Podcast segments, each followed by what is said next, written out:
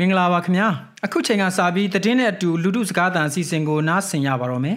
စစ်ဘေးရှောင်နေတဲ့ကျင်စန်းကြော့ကုံကားဝင်းလက်နက်ကြီးကြပြီးမိလောင်ပောက်ကွဲလို့ကြက်ငွေဘီလီယံ40နီးပါးဆုံးရှုံးရပါတယ်ဒီသတင်းကိုမတ်ကြီးမုံကပေးပို့ထားပါတယ်တရုတ်နိုင်ငံကတင်သွင်းလာတဲ့မြန်မာပိုင်အထွေထွေလူသုံးကုန်ပစ္စည်းတွေတင်ဆောင်လာတဲ့ကာလာတန်ဖိုးကျပ်3000နီးပါးတန်ဖိုးရှိတဲ့ကုန်အပြည့်ပါတဲ့12ဘိန်းတွဲ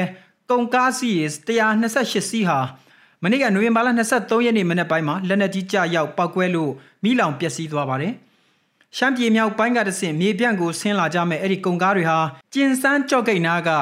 ခုနဟွာကျင့်ကားရနာကွင်းနဲ့တလနီးပါးပိတ်မိနေပြီးကားတွေမိလောင်ချိန်မှာစစ်ဘေးကြောက်ဘေးလွတ်ရာပြေးရှောင်နေတဲ့ကားဆရာတွေပြန်မရောက်လာနိုင်လို့ကုန်တင်ကျင်တွေအများပြားမိလောင်ပျက်စီးခဲ့ရတာလည်းဖြစ်ပါတယ်။မိလောင်ပျက်စီးမှုအခြေအနေကိုတော့မူဆယ်ကုန်ကားပိုင်ရှင်တူကအခုလိုပြောပါတယ်။ သွားပြီးမှကုန်သွားပြီလေနောက်ဟိုတက်တဲ့နေရာတွေဆိုတော့ပုံပြီးမှ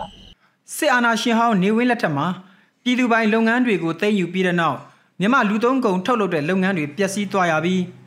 တရုတ်နိုင်ငံရဲ့ထုတ်ကုန်တွေကိုအများပြားမှီခိုလာရတာဖြစ်ပါတယ်။ခုနှစ်ဟွာကျင့်ကုန်ကားဝင်းတွေကမိမလောင်ပဲကြံခဲ့တဲ့ကုန်တွေကိုပြန်သွင်းဖို့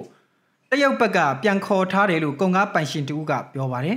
ပုံပြီးပါတယ်အများပြပုံစုံနေတယ်မအမီမေဆိုအများပြပုံစုံနေတယ်ဟာမအမေ ကူကတော့ဒီမှာပြောရကြတာတော့ဒီကြီးနေရအပြန်ပေါ်တယ်ဟိုအများပြအခုထွက်လာတဲ့ပုံတွေကအဝင်ကုန်မှာဘူးဒီဒီကွင်းမှာအထက်ပုံတွေဟိုဆိုဒီတဲ့နေရောတရုတ်ဒီတဲ့နေတော့ဒီမှာဒီမဲ့ပုံတွေပေါ့အပုံစုံနေတော့နေရပါတယ်အဲသူကမင်းပြန်တော့ဆိုအနေနဲ့တဲ့ဒီကဟိုပုံပါလာတဲ့ကားတွေပေါ့ဟိုဘက်ကကိုပြန်ပြီးဟိုတဲ့ဒီလိုအတက်တာဒီနဲ့လို့ပြောတယ်မှာ။လက်တလုံးမှာနေဆက်ကုန်သွယ်ရေးစခန်း18ခုနဲ့ ကုန်သွယ်မှုတန်ဖိုးအများဆုံးဖြစ်တဲ့မူဆယ်နေဆက်ကုန်သွယ်ရေးစီစဉ်ရာလမ်းကြောင်းဖြစ်တဲ့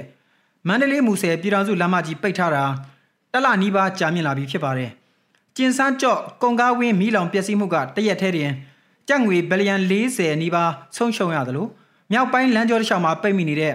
တရုတ်အာလူးတင်သွင်းလာတဲ့ကုန်စိမ်းကားတွေမှာလည်းအပြက်စီးအဆုံးရှုံးတွေရှိပါတယ်။သောတာရှင်များခင်ဗျာအခုတင်ဆက်ပေးခဲ့တဲ့မြေပြင်သတင်းကြောင်းရာတွေကိုရေဒီယို UNG သတင်းတော်မတ်ကြီးမုံက ပေးပို့ထားတာဖြစ်ပါတယ်ခင်ဗျာကျွန်တော်ကလွတ်လပ်နေဦးပါ